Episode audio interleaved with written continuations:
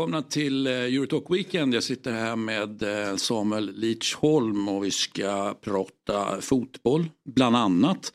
Eh, intensiv vecka får man ju säga. Vi sitter ju här dagen efter på ett sätt och dagarna efter på ett annat sätt. Men om vi börjar med dagarna efter så sitter vi ju dagarna efter en måndagskväll som var speciell. ja, vad hände egentligen på Tottenham Hotspur Stadium som det numera heter. Eh, snackar väl fyra bortdömda mål, två röda kort, två skador, hattrick av eh, Nicolas Jackson och eh, eh, Tottenhams första förlust. Det är väl som man kan summera det till en början men eh, det var inte bara det som hände. Nej, eh, men om vi håller oss kvar på, på den här VAR, VAR-grejen. Alltså, var det av en sån dignitet skulle du säga eh, att det här faktiskt kan påverka alltså synen på VAR möjligtvis då, ja, men, men alltså kan man, finns det något scenario där, där fotbollsvärlden någonstans får nog av VAR och VAR rullas tillbaka? Det, det, liksom, själv har jag ju väldigt svårt ja, att se det och tro det på det. Men eh, om sådana här grejer händer varje vecka. Och, och det, en, en, del tycker säkert att det, det händer ungefär sådana här saker varje vecka. Mm. Men, men, det här var ju ändå extremt får man ju säga. Ja, alltså jag skulle uppleva att eh, om man tar liksom Uefa och Fifa som centralt styr de här sakerna skulle uppleva att de är ganska tondöva. Alltså man lyssnar ju inte direkt på vad eh, vad säger man, publiken vill ha utan man kör sin grej och man har investerat väldigt mycket förtroende och pengar i det här så jag tror inte heller att det kommer försvinna. Men det som jag upplever var ett, ett av de starkaste argumenten när man införde VAR var ju att misstaget skulle minskas och det har det säkert gjort. Eh, eller alla, alla indikationer tyder på att det har gjort det. Men jag upplever att utrymmet för, eh, för eh, vad säger man, klageri, klagera mot domarna har blivit ännu större. Mm. I och med att förväntansbilden blir extremt mycket större på att det ska inte finnas misstag. Det är liksom förväntansbilden hos den gemensamma supporten och fotbollstyckaren. Även fast man säger att man kom väl till 99, någonting i liksom rätt beslut och sådär. Så när det väl blir liksom subjektivt eh, diskuterbara beslut eh, då kommer den liksom kritiken, den är så massiv den som kommer att jag tror att domarna kommer få det ännu svårare i sin vardag med VAR än utan VAR. Förut kunde du ju då antyda på att den mänskliga faktorn om du missar en offside med 10-20 eh, centimeter liksom att det, det, det, går så snabbt. Mm. Du får ta det för vad det är. Det, det gillar jag även fast det då kommer komma beslut som man kan bli frustrerad på efteråt så upplevde jag inte att, att uh, volymen kritik och hat mot domare och speciellt i och med då presskonferenserna som kommer från tränare också i Arteta och Klopp och sådär har varit så enorm som den är nu. Och det är för att jag tror att man förväntar sig mer av VAR. Att VAR ska kunna liksom täcka de här omdiskutabla domsluten eh, på ett större sätt än vad domarna där och då eh, kunde. Och sen eh, till det kan vi ju lägga också det här Eh, Eh, om man säger att VAR då fortfarande, det har ju hållit på ett tag onekligen, är under någon slags inkörningsperiod ändå får man väl ändå säga i ett, i ett större perspektiv så är vi ju i någon slags början av VAR. Eh, det fanns ju också Eh, om vi tar förväntningarna på eh, alltså hur mycket fel som skulle liksom finnas kvar eller inte finnas kvar. Eh, men sen har vi ju det här väntetiden, rytmen i spelet som vi har pratat om eh, tidigare du och jag. Eh, där, där känns ju att där, ja, men där händer ju ingenting. Den, den, det som tog fem minuter eller sex minuter eller, eller sju minuter, hemska tanke, för, för två år sedan, det tar fortfarande fem, sex, sju minuter. Det liksom finns ingen kurva neråt där. Det, vilket man ju, jag i alla fall, hade förväntat mig. Att, ja, men någon slags utveckling neråt i takt med att man faktiskt använder det här hela tiden, lär sig verktygen så kommer någonting hända. Men icke, enligt mig. Jag har ingen statistik på det här utan det är bara min känsla av att sitta där framför tvn och titta. Nej, men det, det är min känsla med. Jag tror att jag läste en, eh, om det var en artikel från då när VAR implementerades att om fem år ungefär ska VAR-beslutet max gå på fem sex sekunder. Tror jag så. Mm. För det här med att påverka rytm och så här, vi får ha lite tålamod i början men det kommer inte hända någonting. Och jag tror VAR implementerades någonstans i samband med VM 2018 va, om jag inte har fel. Ja, jag har valt att förtränga det, ja, så kan vi säga. Så här, någon som, jag har inte kollat upp det här så det kan ha införts något år tidigare. Men mm. däromkring i alla fall. Och då sa de att inom några års period så ska liksom VAR-besluten bara ta 5-6 sekunder. Mm. Här läste jag på någon artikel eh, bara häromdagen. Och vi kan ju konstatera att nu står vi här om det då infördes 2018, fem år senare. Eh, och det tar fortfarande lika lång tid. Så jag tror att dels det att det har ju inte blivit bättre. Ehm, men sen så tycker jag också att det finns ju en mellanväg här som är väldigt bra. Goal Technology är ju suveränt tycker jag. Där, där ska det bara vara. Och de här semiautomatiska offsiden som de visar numera där de kan liksom snabbt avgöra är offside eller inte.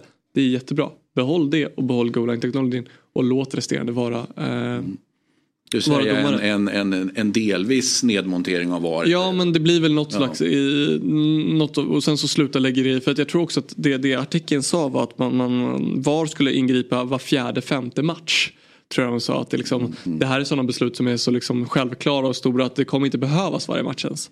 Men nu ser vi ju inte var fjärde femte match utan vi ser väl var fyra Var fjärde femte minut. Ja men var fjärde femte gång per halvlek då åtminstone i alla fall. Då. Så att man har ju då missförstått eh, själva verktyget om man upplever från då Fifa eller Uefas sida. Eh, å ena sidan och sen hur man använder det och hur det implementeras idag. Liksom, att man ska in och peta i allt. Eh, och jag tror bara att det som sagt ger extremt mycket större utrymme till, till kritik mot domarna. I och med att förut kunde de hävda att vi inte sett några repriser på det här, det händer snabbt, vi måste ta ett beslut snabbt. Men nu så sitter de där som du säger 5-6 minuter och kollar repriser och olika vinklar. Och man kommer ändå ibland till fel beslut som upprör. Och det är väl där den stora hatstormen och kritikstormen kommer ifrån. Att, att nu har ni fått era verktyg, ni kan sitta lika, vi soffexperter kan, kan liksom se de här repriserna, tycka att det är det ena eller det andra och ni, tycker, ni, ni får också se de här och ändå blir det fel. Hur är det möjligt? Mm. Så jag tror att när man skulle underlätta till domarna och jag tror att det var en, en, en god tanke så har det istället blivit motsatt effekt. Bild tänkte jag visa dig som, som jag ändå tycker sticker ut från eh, det var ju faktiskt en måndagsmatch det också när jag tänker efter. Torino spelade ju fotboll med en avstängd eh, eh tränare. Jag vet inte om du har Eh, sett den här bilden. Men avstängd tränare får eh, kritik och har fått kritik. Nu är han inne på sin tredje eh, så att säga, hela säsong. Ehm, I Torino, egna kurvan, kurva Maratona och så vidare. Ja, men det klagas en del, såklart. Det ser inte tillräckligt bra ut. Det görs framförallt inga mål framåt. Då. Eh, han bjuder helt enkelt på, vi, vi har ju sett liksom ett ett finger, det har man ju sett även från tränarhåll, men, men en, en dubbelfinger mot egna kurvan.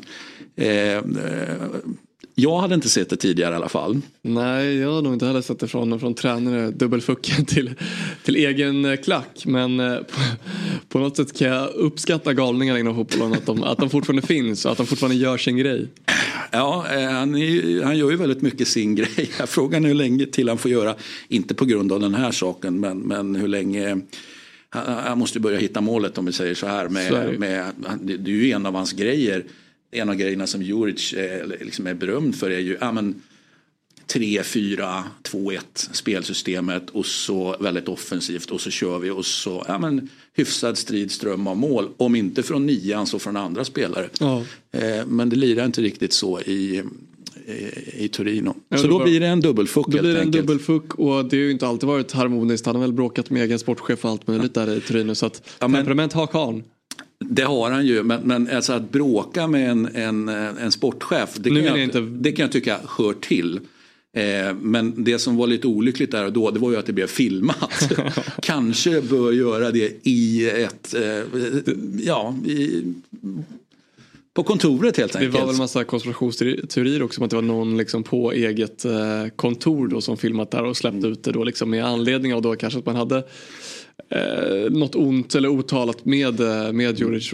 Mm. Eh, så nej. Ja, nej, men det, det, ska man ju ha klart för sig också. Varför, eh, om vi säger så här, sån här dubbelfucken, den går ju också den går ju att hantera på olika sätt. Det beror, beror lite grann på, man kan ju ha konspirationsteorier här också. Liksom, vem ser till, nu kanske det blev lite väl publik den här gången också då. Men... Jag undrar hur länge han stod med dubbelfuck eftersom det fastnade liksom då på, på tv i live. Då, då måste han ändå liksom varit väldigt mm.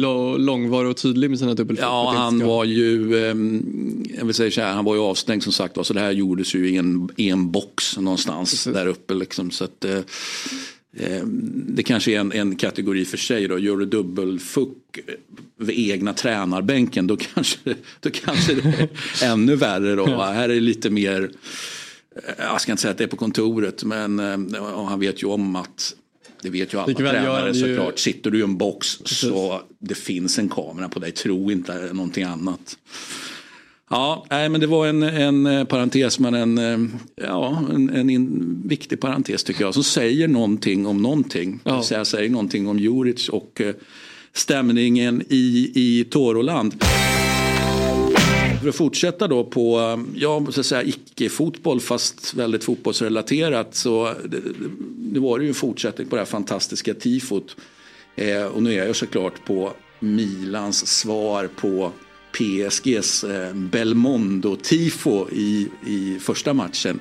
Eh, och nu så fick vi ju jag vet inte, vi hade ju Belmondo med, med, med Puffra väldigt enkelt att se att det var Belmondo tyckte jag i första mötet. Eh, är det lika självklart vad Milan svarar med här? Eh, och för er, ni har ju redan sett det såklart. Nio Matrix. Men, men, men, ja, men jag behövde någonstans hjälp ändå tror jag. Eh, jag behövde få bilder i en viss vinkel och, och, att någon skrev att det faktiskt var Neo Matrix. Det, det är framförallt de här eh, fläckarna man ser, typ det är väl kulor som man då mm. undviker. Så ja, tycker jag det. Ja, eh, exakt. Och kulorna, eh, första så att säga, foton såg inte jag så mycket kulor. Nu när man ser kulorna då, kan jag, då, blir det, då blir det lite lättare att få det här till Matrix och ja. Neo. Eh, ja, självklart i, i, i Lidsholms uh, värld eller? Alltså, är det självklart ja, men när, jag, när jag såg det så under matchen så upplevde jag att San Siro ofta har liksom hel arenas tifo vilket är jäkligt häftigt. Mm. Att man får med så många liksom, på tifot. Jag tycker det är sjukt häftigt. Men uh, under matchen tänkte jag inte så mycket på det. Jag såg mest fram emot matchen men efter när bilderna kavlades ut så var det självklart. Och, Uh, jag tycker det är snabbtänkt dels att få ihop ett sådär stort tifo då på med bara någon veckas mellanrum. Uh, men också väldigt kreativt. Det är, ja, men eh, stor cred till, till de som anordnar tifona i, i Milan. Mm. Ja, det är bra. Nu hoppas man ju nästan att de ska få, alltså nu vill man ju ha kanske man ville redan innan, men man vill liksom ha kvar båda klubbarna så att de kan fortsätta på den här tifonivån liksom, och ta den vidare. Tänk om de möts i final och vi får ett, ett, ett, ett finaltifo. Liksom. Har det någonsin varit ett finaltifo tänker jag i Champions League? Ja, det känns inte som på sin plats. Liksom. Nej, det, det, det är väl klassiskt att en det, sida är röd och en är vit. förbjudet. Typ. Ja, men...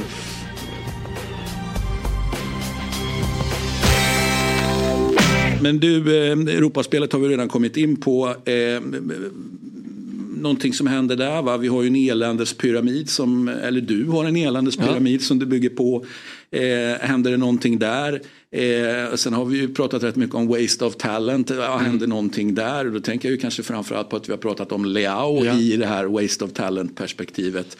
Eh, ja, och det var och väldigt kul att han, han i den här matchen vaknade till liv lite. Eh, mm. Jag tycker att eh, eftersom jag har sett ganska mycket Milan inledningsvis så tycker jag att han har varit svag inledningsvis. Och vi pratade tidigare, eller jag framförallt pratade om eh, skillnaden mellan Mbappé och Leao i eh, mötet på Parc des Princes.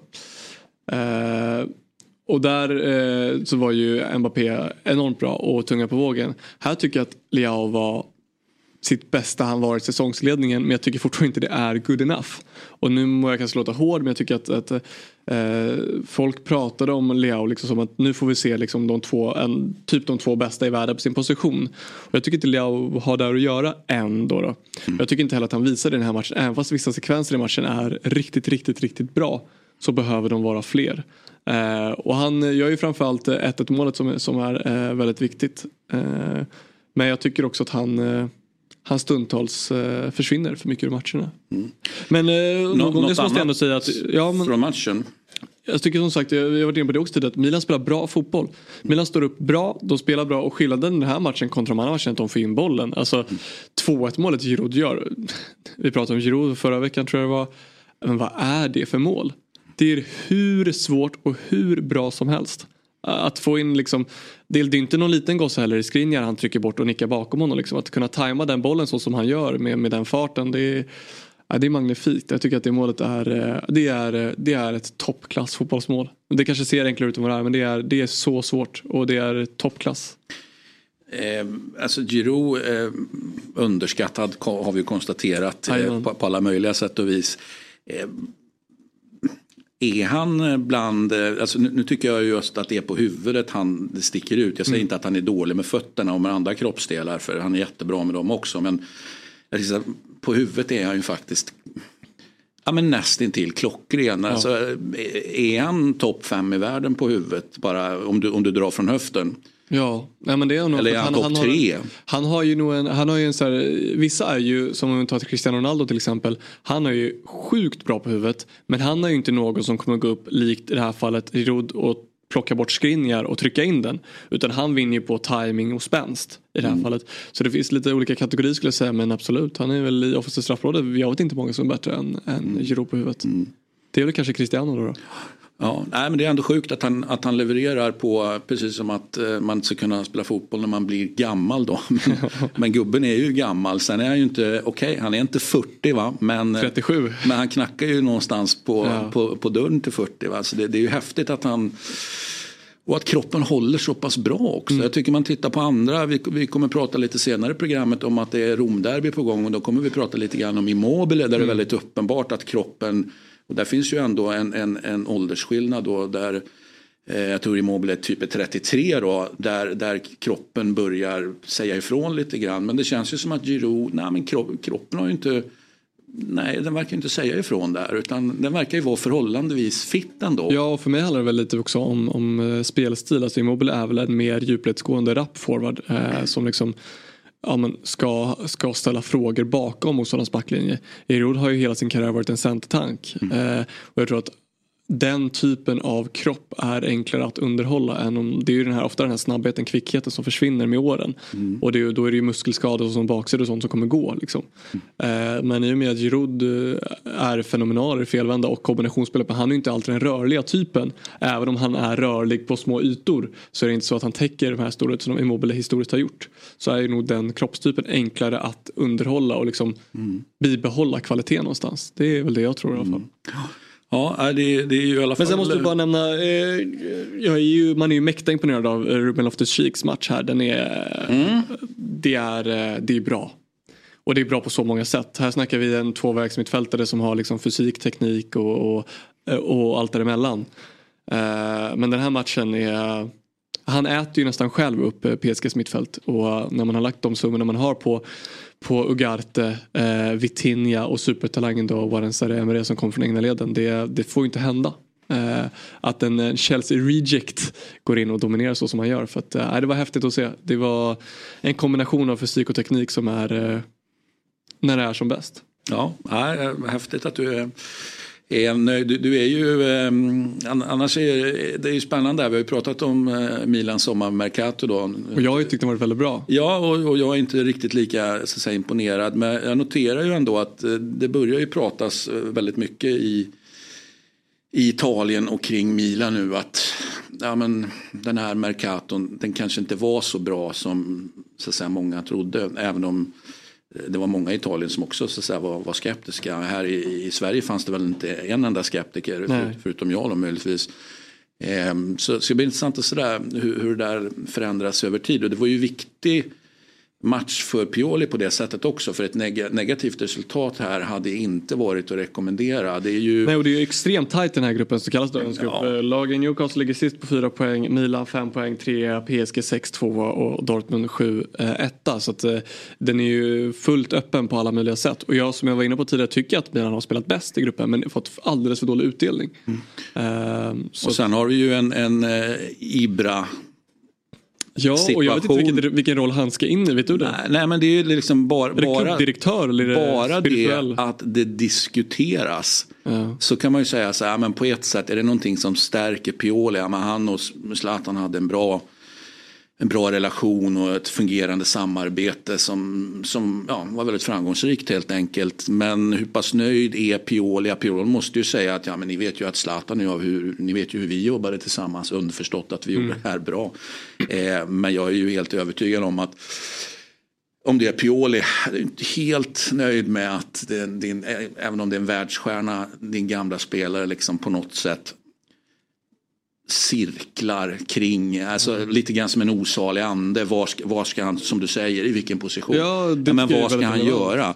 För det ska, ska ju tydligen bli någonting. Ska man vara players manager? Ska man bara vara så här skön snubbe ja, som, typ. som sitter och pratar med, med ägaren liksom, ja. och, kommer med kravställan. Ja, eller, med kloka råd och, mm. och sånt. Så det, det, tror jag mm, så det var viktigt för Pioli att, att, att få den här segern. Men, men Ibra situationen den, den kvarstår ju liksom. Så att, eh, vi får väl se vad som händer.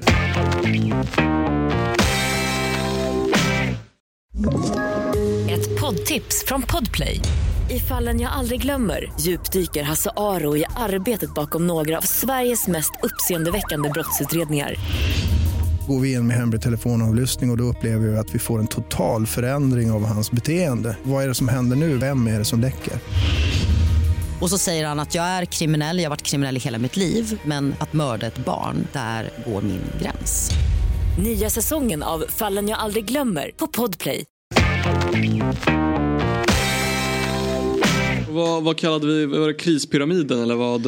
Eländespyramiden, Eländespyramiden. Eh, blev den kallad någon ja. gång. Va? Det är ju din, eh, och, och, där har ju du väldigt tidigt parkerat då eh, faktiskt tre lag då, men det är framförallt två lag som har varit väldigt mycket prat om när vi har gjort de här programmen. Ja men det är ju Manchester United såklart, det var väl egentligen då vi började prata om, ja. om elände. Eh, och sen eh, Bayern München ja. ville du sortera in där och sen då var du ju och fingra på PSG Jag fingrar på också. PSG och nu fingrar jag på mitt fjärde lag och kanske får, får Bayern München får hoppa ur eländespyramiden i och med att... Oj, eh, oj, oj, vad, händ, vad har hänt här? ja men, men dels så... så eh, alltså hoppa gruppen... ur, man får, möjligtvis att man kan... Ja men då får man väl i alla fall långt ner i hierarkin då i eländespyramiden och sen så tar vi upp en tredje klubb på en... Vi, vi skjuter upp, Manchester United är väl ohotad etta i eländespyramiden Eh, det får väl vara, vara ärliga och säga. Eh, PSG eh, får vara någon slags salig tvåa och så har vi Barcelona nu på tredje plats. Eh, och det är inte bara att man förlorar den här matchen mot Shakhtar för att man kommer ju gå vidare i den här gruppen ändå. Men jag har varit inne på också att det är något som inte stämmer med Xavi i Barcelona. Eh, Xavi då medgav i en intervju efter matchen att, att eh, eh, vad var det han sa då? Han sa väl något i stil med, nu ska jag inte citera helt, att eh, vi har insett att vi måste göra fler mål och försvara bättre. Typ. Alltså, det fotboll går ut på. Mm. Uh, ungefär. Mm. Det var inte en klockren intervju av Xavi i det här. Men det snackas att man ska sälja av ännu mer och man säljer av uh, de från ett klubbperspektiv. Man säljer gammalt gräs på Camp Nou eller stolar kan man ju bjuda, uh, buda på för att få hem och sånt här. Och man behöver ju, och, och Xavi går ut och pratar om att man ska investera extremt mycket pengar i spelartruppen som redan har investerats. det är ju en väldigt dyr och väldigt bra spelartrupp. Men likväl så får man inte till det. Och jag tycker att Xavi här eh, från, från medias perspektiv tycker jag går, går ganska utan kritik för att han är Xavi. Det hade varit intressant att se om, om till exempel då Valverde fortfarande var tränare hur mycket kritik han hade fått för den här eh, Eller Koman. Ja eller Koman då som likväl fick en, en väldigt stor sked skit. kan man väl lugnt säga. Så att, äh, jag tycker att Barcelona måste in där, äh, Elendspyramiden. Eh, och, och Bayern då som, som eh, ja, men stämde väl i bäcken då vann väl 4-0 här i Der Klassiker och eh, toppar i sin grupp eh, i Champions League ohotad. Och hur mycket jag än tycker att det kanske inte ser så bra ut för mm. Bayern München så gör man likväl ganska bra resultat numera och därför får man ta ett steg ner. Där ser man. Eh, och som du konstaterar då ohotad etta då är, är United som, ja. som ju eh, på något sätt kan man säga att de i ligan har lyckats med och även kanske Europa karva ut något, eller inte Europa, det har de kanske inte gjort, ligan.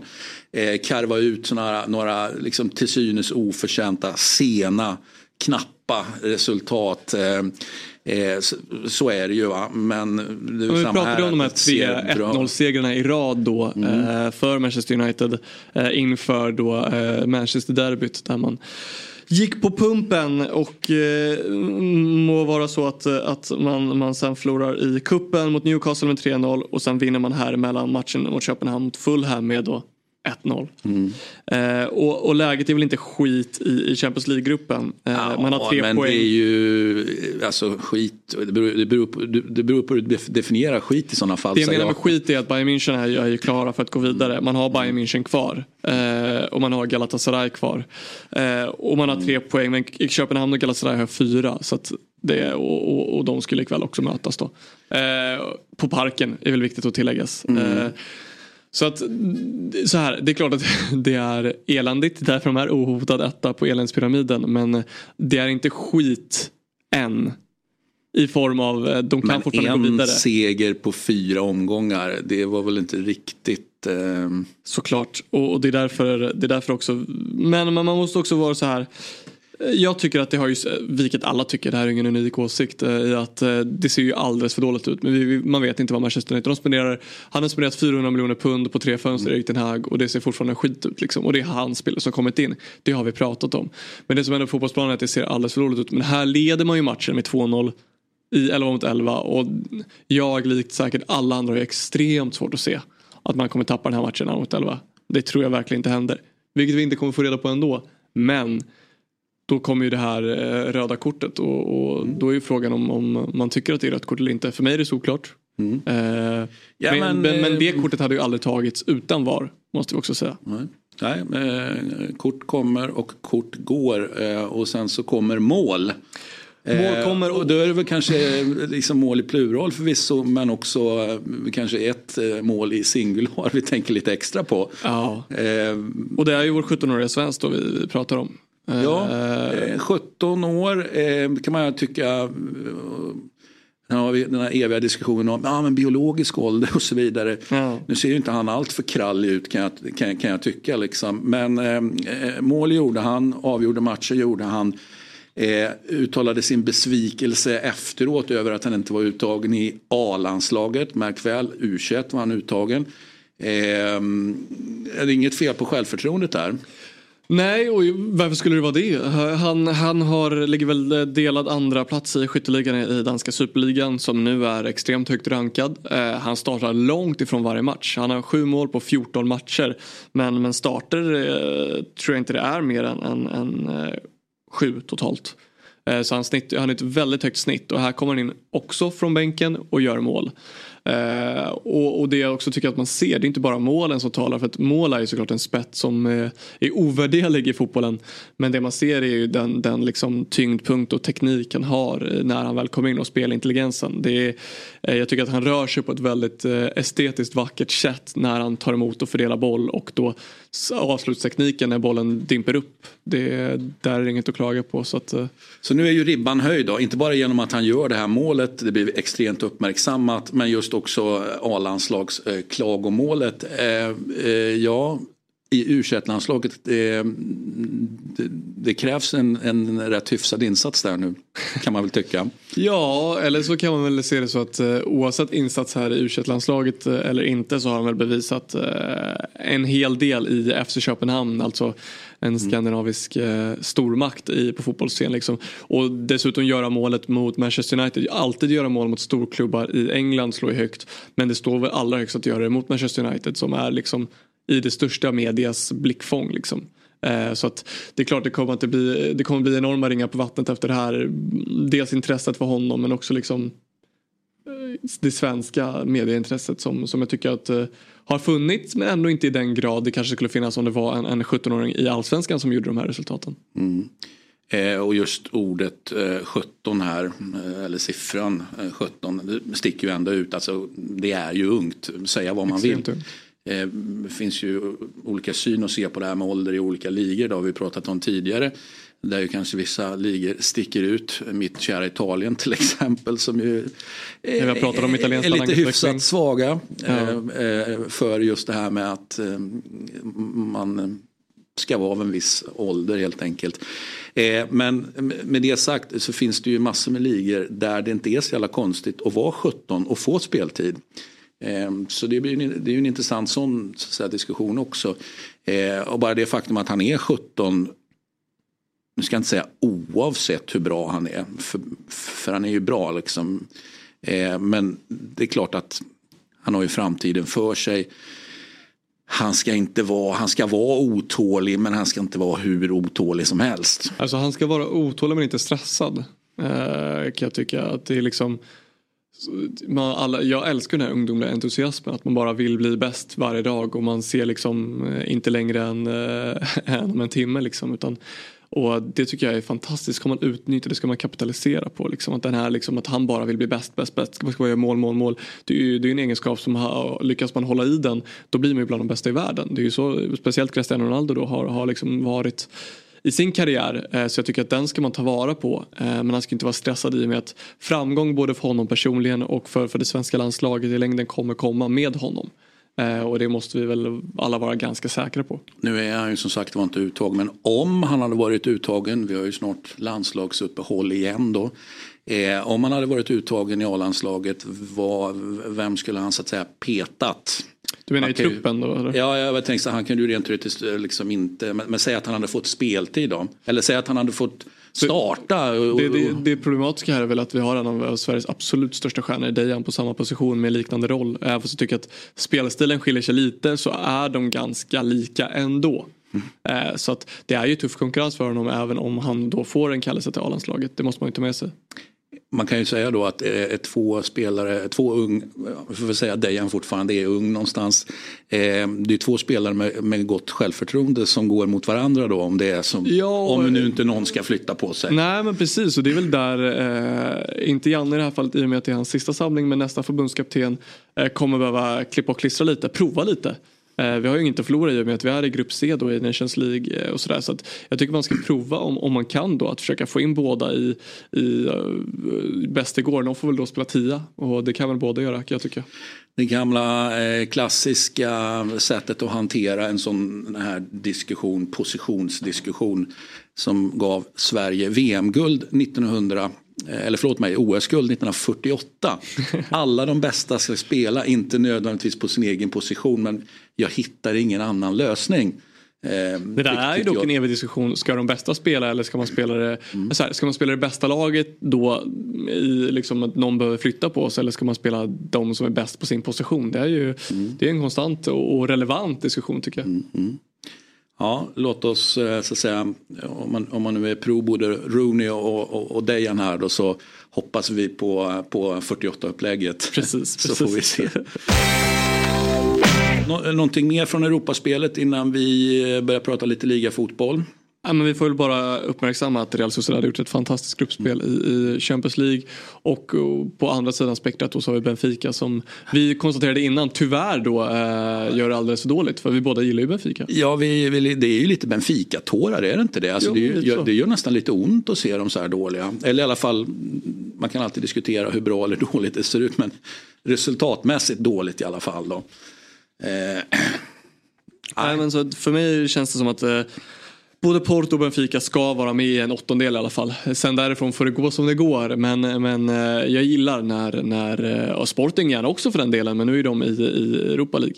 Eh, så jag, jag sörjer lite, jag gillar portugisisk fotboll. Så att, mm. ja, vi, vi är ju svaga där. Eh, inte bara de grillade sardinerna vi, vi tycker om utan även fotbollen Precis. i det där landet. Eh, men du, eh, innan vi tar oss till de här stora ligorna så tar vi en, en hyfsat stor liga. Som, eh, vi har pratat om det tidigare men jag vill prata om det så att säga eh, lite till helt enkelt. Alltså Farioli. Ja, nu vann ja, men okej det är Ren nu senast han, han vinner med.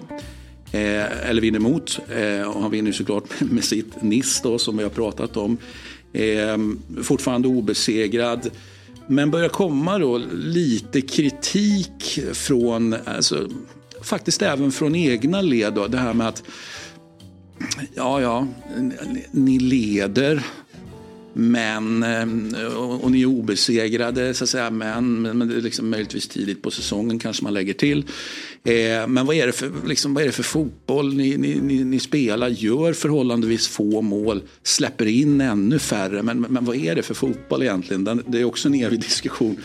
Eh, det är väl kanske, ja, men det är väl egentligen en tiki-taka diskussion boll, bollinnehav. Ja, alltså där man hävdar, jag såg nu att de har 13-4 eh, i målskillnad. Där man hävdar väl att eh, det är svårt för motståndaren att göra mål om du har bollen själv. Vilket han eh, lite grann eh, då får, eller ganska mycket då får kritik i alla fall den här specifika som kom nu i veckan. Det var att Ja, men att det, går inte så snabbt. Det, det, det här med själva liksom bollinnehavet. Det är inte så att det är bom, bom, bom, bom, bom och så är det framme till avslut. Utan det får ta sin tid. eh, och det tar lite för lång tid då, eh, tycker eh, belackarna. Men eh, som eh, Farioli då konstaterar att ja, men om, om man liksom ja, men går, går till anfall snabbt Ja, men då finns det en fotbollssanning som säger att ja, men då kommer du behöva försvara eh, snabbt också. Det vill säga att det är så det är. Mm. Och vi eh, jobbar med tålamod. Det här låter ju på något sätt väldigt mycket De Serbi, vilket ju inte är så konstigt eftersom vi har konstaterat tidigare. Finns det en relation där? Det finns en relation där.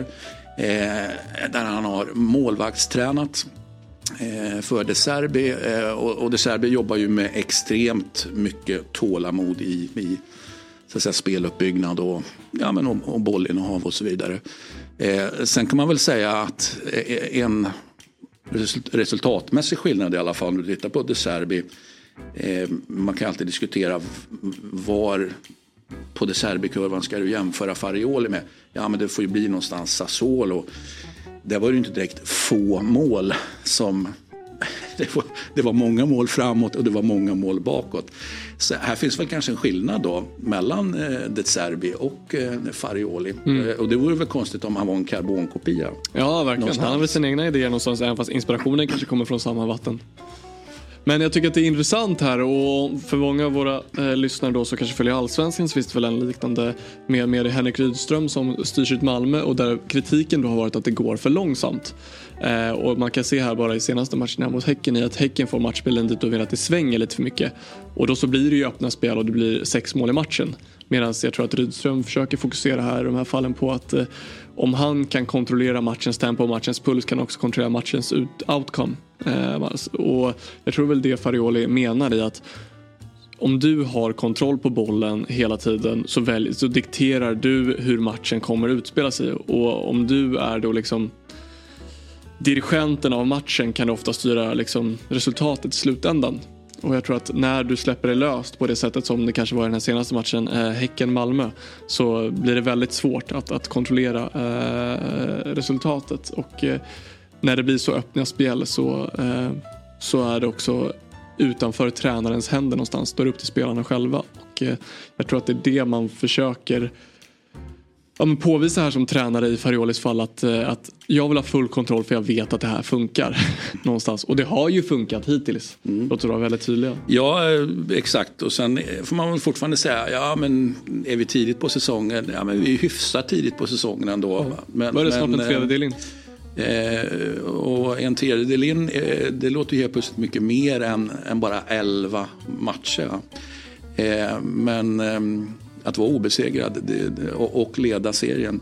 På eh, franska rivieran? Och, och, på franska rivieran och ändå börja få lite skit. Liksom. Det, är ändå, det har blivit höga krav. Det, det, säg så här, det, det, gör inte mig mindre intresserad utan, utan snarare tvärtom. Eh, Ni ah, som då möter Montpellier på, på fredagskvällen. Precis, så då vet vi vad vi har att göra på, på fredagskvällen då. Precis.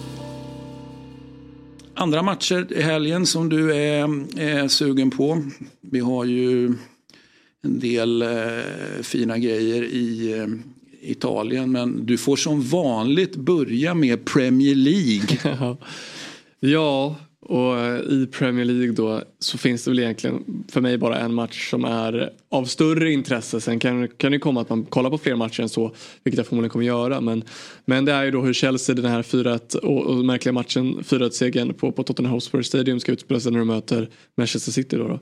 Vi pratade ju om det där, om det var förra eller förra programmet, att att, att om det nu är så, ja men Chelsea, hur, hur, bra ser det ut och så vidare resultatmässigt, spelmässigt.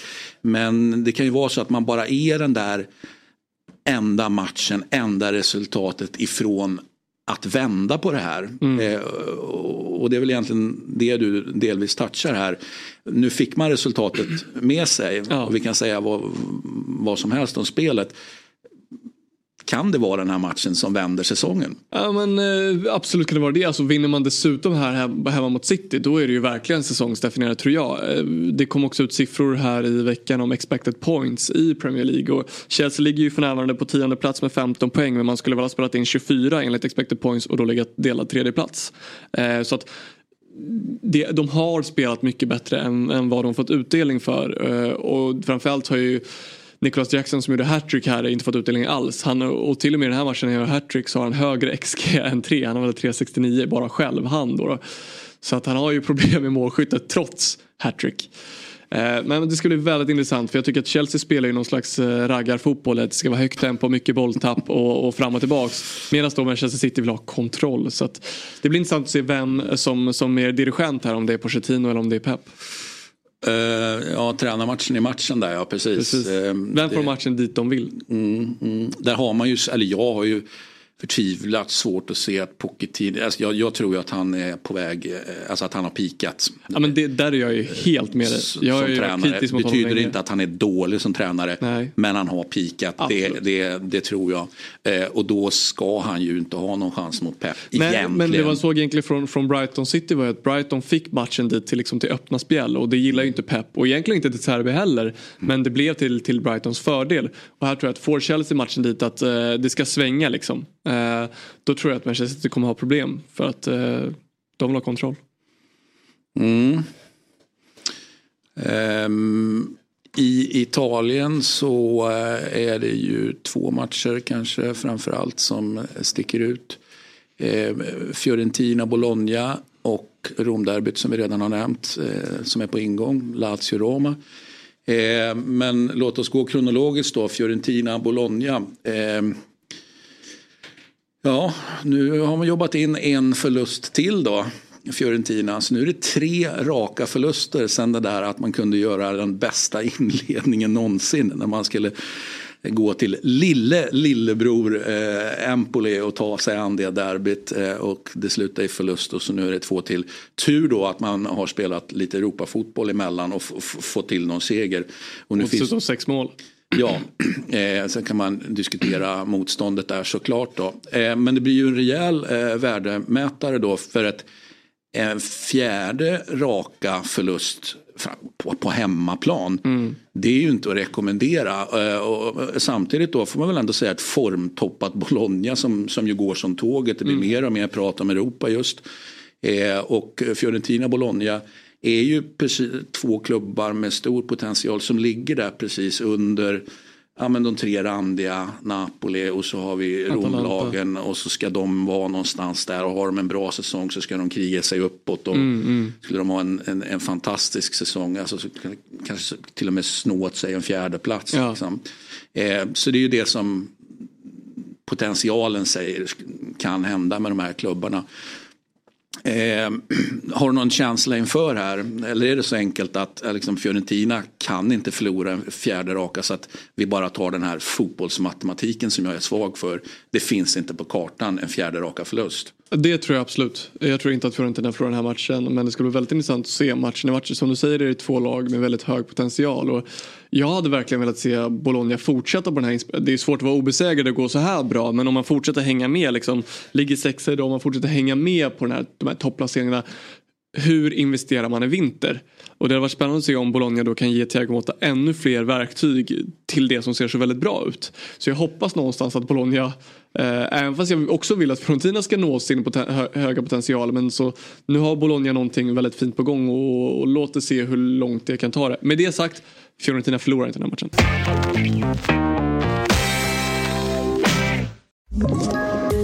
Poddtips från Podplay. I podden Något Kaiko garanterar östgötarna Brutti och jag, Davva, dig en stor dos skratt. Där följer jag pladask för köttätandet igen. Man är lite som en jävla vampyr. Man har fått lite blodsmak och då måste man ha mer. Udda spaningar, fängslande anekdoter och en och annan arg rant. Jag måste ha mitt kaffe på morgonen för annars är jag ingen trevlig människa. Då är du ingen trevlig människa, punkt. Något kajko, hör du på podplay. Därför är gardinerna.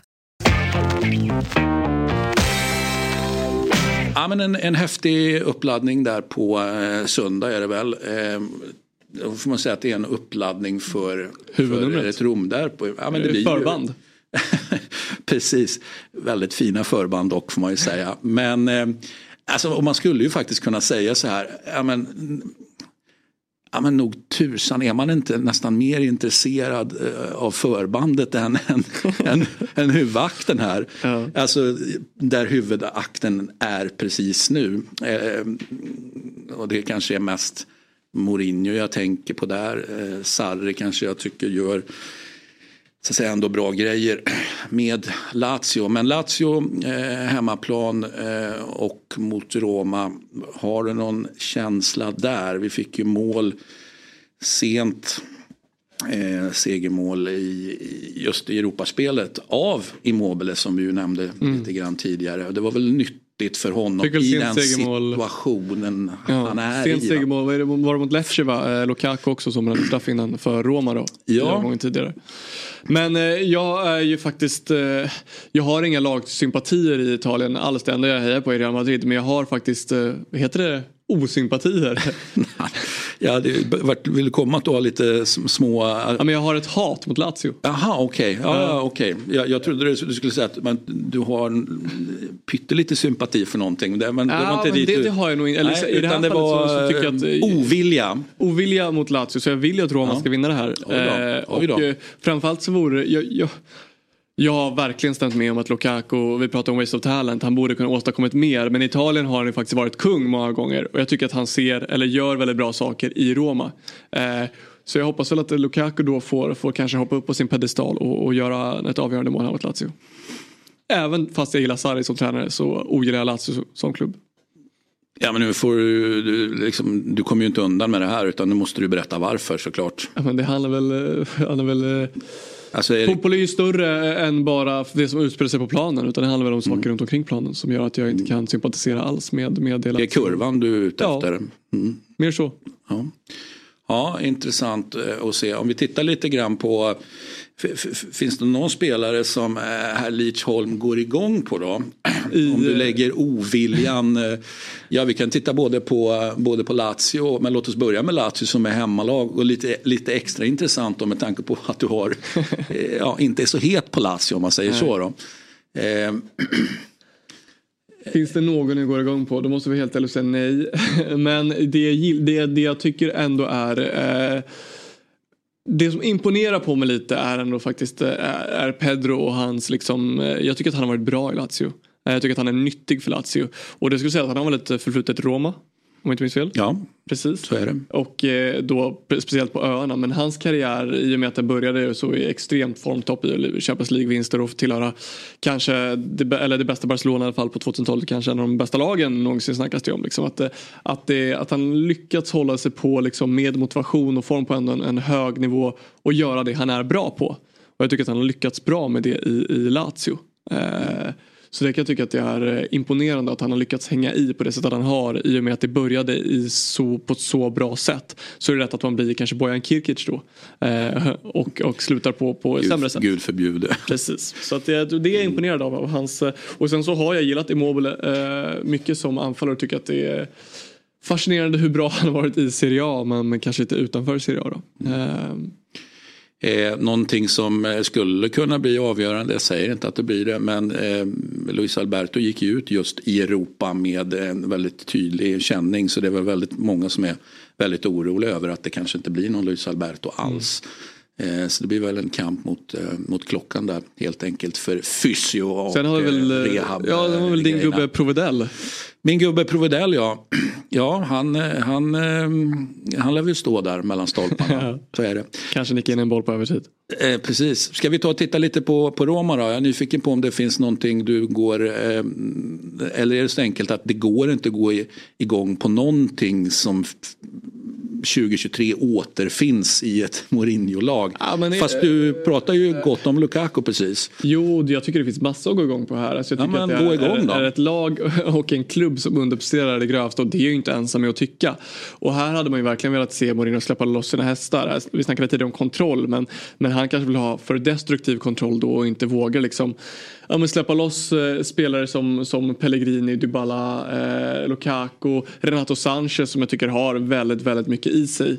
Eh, och, och, jag tycker att det här laget, alltså Romas lag då är extremt mycket bättre än vad Lazios är. Och jag tycker att det är ett sånt underbetyg. Att extremt man inte, mycket bättre. Ja men det tycker jag verkligen att det är. Alltså om man kollar kvalitet och dessutom namn så tycker jag att det här laget är mycket, mycket, mycket bättre än Lazios. Och det är ett extremt underbetyg då. Till, till tyvärr Mourinho som, som jag tycker om som människa men, men kanske inte lika mycket som tränare längre. Ja, eh, du nämnde ju precis då en, en eh, vad jag skulle vilja betrakta som en omöjlighet. Eller kanske till och med två omöjligheter. Den första omöjligheten är ju att Eh, Mourinho ska släppa, Mourinho ska släppa loss. Ja, nej, det, det, eh, tror nej, det kommer nog inte hända. Eh, och sen är det svårt att släppa loss hästarna när skadorna bara duggar tätt. Eh, jag menar, vi, vi är ju bara några minuter bort eller någon halvlek bort från en, en ny Dybala-skada. En straff bort kanske? Pellegrini, jag menar vad händer där? Ehm, kommer han till spel överhuvudtaget? Eh, Småling som det börjar bli kritik nu för att, vänta vad, vad är det du håller på med? Liksom, eh, och, och, det kom ju upp när han bedriver ju vad som påstås vara någon slags liksom avancerad, han är ju vegan helt enkelt. Mm och eh, har det upplägget. Det gillar inte italienarna, konservativa landet. Nej, jag bara noterar att det kommer upp nu för de, tyck, de tycker att det här har... Vad fan är det för skit säger de? ja, jag... Äter du bara sallad? I, det är deras åsikt. I wish, I wish. Jag, jag håller ju med om det så. Så är det ju. Eh, men eh, man, man, tycker helt enkelt att Småling har han, har han tagit hand om sin liksom, rehab på rätt sätt här nu? Vad är, vad är det som händer? Det, Eller har han bara kramat träd? Eller har han bara kramat träd, ja, precis. Eh, och det är ju inte så att det, det dräller av mittbackar heller till, i den här trebackslinjen från början. Eh, vi har ju långtidsskadad eh, Kumbulla och Småling får man väl ändå säga har varit långtidsskadad nu. Mm. Eh, det är inte så gott om mittbackar där och, och, och, och det kommer bli man är tvungen att spela med Mancini, eh, Ndicka på varsin sida om Llorente. Och, och det, det tycker sen... jag ändå är good enough om jag ska vara helt ärlig. Mm. Eh, Evan Ndicka som är väldigt bra i Eintracht Frankfurt och jag tycker att eh, Llorente och Mancini är tillräckligt bra. Eh, men, men mitt största bekymmer här är ju om du ska starta Cristante återigen på mittfältet. En av jag vet inte om det är världens men i alla fall Europas långsammaste fotbollsspelare och kompenserar ju inte direkt det med, med eh, teknik. Eh, kanske lite taktiskt smartast men inte tillräckligt då. Eh, och sen då eh, Paredes som bäst före datum. Ja, när gick det ut egentligen? 2017 ja. kanske? Ja, för det har ju gått ut. Det, det har ju verkligen gått ut. Och den mjölken då, den är sur. Eh, och, men, men du är liksom, hur, hur sur är den portugisiska mjölken då? Sanchez, jag menar, alltså, den är ju Mjölken är ju skadad i alla fall va? Ja men, men jag, tror att, jag tror att här handlar det om eh, Jag tror att det handlar om att du måste få in honom i ett system som, som gynnar han. Det här snackar vi, vi pratade tidigare om Ruben Loftus-Cheek som har kombinerade fysik med teknik och här finns det en spelare som kan kombinera fysik med teknik i en liga där det är väldigt viktigt att göra det. Alltså är du fysiskt dominant och tekniskt dominant i Serie A så brukar det ofta gå väldigt bra. Kolla på Lukaku exempelvis då.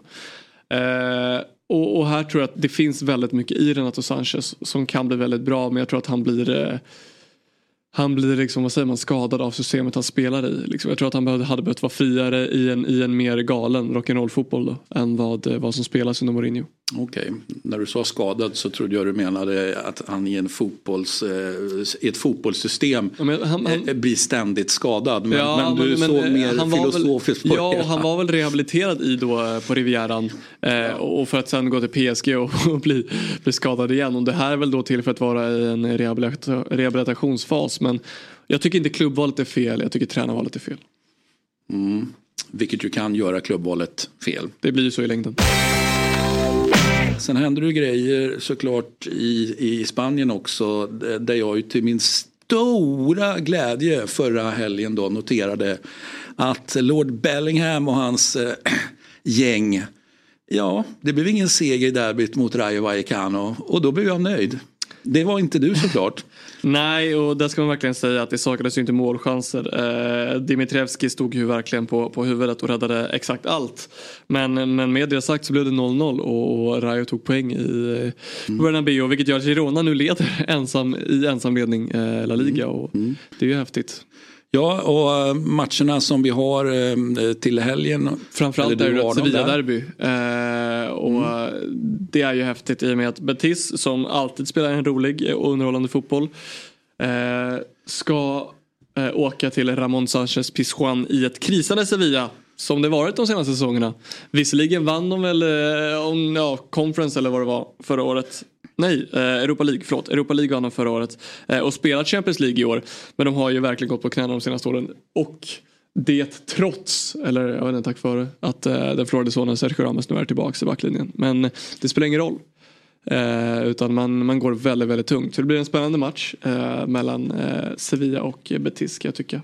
Ja. Annars har vi gal, gamla storlaget Valencia som kommer på besök till, till Bernabéu som också öppnat hyfsat. Eh, får vi se hur Real Madrid möter Valencia då. Men, men eh, vi får väl se om Vallecano också dödar Gironas aspirationer på att vinna mot dem. Ja, ja, jag skulle inte räkna bort Vallecano i den här matchen. Skulle, Men- skulle du? Ja, men alltså jag säger att eh, gör du den, eh, Dimitrievski gör inte två sådana matcher i rad, då spelar man Nej. inte i Vallecano. Så eh, jag kan mycket väl säga att Girona vinner med några bollar här som är väldigt duktiga offensivt. Och framförallt i omställningsspelet.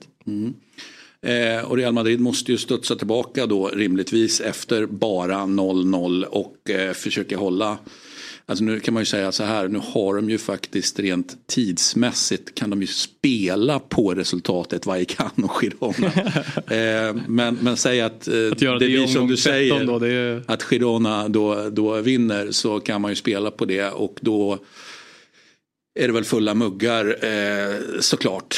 Från, Ja. från eh, Lorden och hans gäng. Precis, och sen så tycker jag att det är en ganska fin spansk omgång. Vi har också Atletico Madrid som är svinstarka för tillfället. Och speciellt i Europa då, där de i veckan slog Celtic med, med 6-0. Eh, eh, och gör bra resultat. Morata, Griezmann är i, i väldigt bra form. Möter då Villarreal som också haft en tuff inledning på, på veckan. Så att, eh, det finns att ta av den spanska fotbollen. Blir du inte ledsen när det är den typen av resultat eh, i, Champions i League? Champions League? Alltså 6-0 och, och, och jag menar för även, alltså även Conference och Europa League såklart. Men framförallt i Champions League.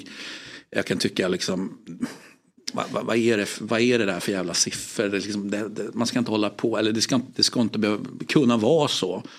Nej, och det Sen förstår jag att Atletico Madrid är bättre än Celtic. Ja, men 6-0 det är... Jag tycker inte heller det ska skilja så mycket som det gjorde i den här matchen. Nej men vad bra, då var vi överens om det då i alla fall. Eh, sen vill eh, redaktör eh, Oliver här att vi ska prata om eh, Rem, inte Rennes utan Rem och eh, PSG som ju då ska, ja de ska ju också studsa tillbaka och försöka komma ifatt den där Farioli och hans Niss. Ja, och ta sig ur eländespyramiden kanske. Ja, precis. Eh, Eh, då är det Will Still mot, mot Enrique då alltså med andra ord. Ja, precis. Ja, där vinner ju i i alla fall enligt dig då eh, Luis Enrique namnmatchen i matchen. Ja, nej, men det blir verkligen spännande att se. Jag tycker att PSG, eh, om, om jag tyckte att de, de spelade lite för mycket Enrique i början av säsongen, alltså kortpassningsspelare gick för långsamt så tycker jag de har tappat Luis Enrique nu i det här skedet av säsongen där det är jag går inte riktigt att känna igen PSG hur, hur de spelar så att jag tycker att man får mötas någonstans däremellan. Att kanske inte bara vara 83% bollinnehav och kortpassningar men inte heller liksom den här öppna fotbollen utan det måste mötas där. I vilken lagdel hittar du problemet? Eller kan man inte prata om lagdel utan måste man prata om helheten och är på PSG nu? Ja, alltså, för mig tycker jag att det är det stora problemet i att om du då eh, traditionellt vill spela som Luis- Luis Enrique vill så, så har du eh, vad säger man? Eh, det, det är på gott och ont men du har för explosiva spelare de, de träder framme. Du har Colomouani eh, och Osman Dembélé och Mbappé som just nu är idag är start. Men sen har du ju Lee Kangin, Asensio och Gonzalo Ramos som också finns att tillgå. Och det är ju tre spelare som egentligen är mer än rike. Men sen finns det ju alltid en inhemsk hierarki och en klubbhierarki och där tror jag att de tre fransoserna på topp går före. Eh, så det är inte ett problem egentligen men, men, men jag tror att det kan bli en krock där. Och sen i mittfältet så spelar ni ju Ugarte och Vitinha och Serie Emery och där tycker jag också att du måste i så fall få in Asensio eller Likang in på mittfältet för att det ska kunna bli eh, en större kontroll rent bollinnehav för dem. Och om vi då går ända ner till backlinjen så, så Milan Skriniar är ju inte en spelare som ska vara med boll och föra spelet. Marquinhos klarar av det. Då tycker jag att man ska spela Lucas Hernandez som eh, vänster mittback eh, i den här backlinjen och egentligen helt enkelt ta bort Milan Skriniar. Så det enkla svaret på frågan var alltså att det här var ett klubbpolitiskt eh, men problem. det- Det, det- vill säga den interna eh, franska hierarkin skälper just nu PSG, eller hjälper i alla fall inte PSG eh, att se ännu bättre ut. Jag tror att det, det som varit historiskt ett problem med PSG är att man har värvat väldigt mycket stjärnor och folk som ska spela även fast de kanske inte eh, kemimässigt på plan passar ihop med varandra och det tycker jag även är problematiskt här också. Att vissa spelare ska spela men för att få ett bäst resultat så tror jag inte de bör spela helt enkelt. De tar inte jobbet helt enkelt. Det är det vi pratar om, vilket var en av sakerna Farioli pratade här också om. Eh, jag är så nöjd med mina anfallare. De, de, de, de sliter och har arbetsstället på. Eh, jag, jag, kan inte vara annat än nöjd. Nej. Det kan ju vara en sak man säger apropå internpolitiken i en klubb då och så vidare. Men intressant som jämförelse med PSG där anfallarna kanske inte Ja, de kanske joggar hem. Eller ja, de kanske och, inte ens gör det. För att vara helt tydlig, jag tror inte att det är problemet idag. Utan problemet är nog att jag tror att eh, orkestern någonstans är osynkad. Att eh, eh individer har egna agendor medan laget kanske har en annan. Och så där så kommer man inte riktigt överens om hur man ska spela den bästa symfonin. Utan i det här fallet så, så eh, någon på bas vill ta showen medan kanske det är trumpeterna som ska göra det. Så att jag tror att det är där problemet ligger. Ja, det här var en bra avslutning tycker jag på, på, på Eurotalk Weekend. Någonting mer att tillägga innan vi tar helg? Gott så. Det gott så. Då eh, tackar jag eh, dig Samuel. Tack själv. Och eh, ja, ni som lyssnar såklart. Och vem vet, kanske kommer ut något klipp från programmet. Det betyder att ni som tittar också kan få ett hej. Och när jag säger klipp så menar jag inte hela programmet utan jag menar något sånt där eh, otroligt eh, smart och kvickt vi eh, fick ur oss i programmet helt enkelt. Mm. Bon weekend!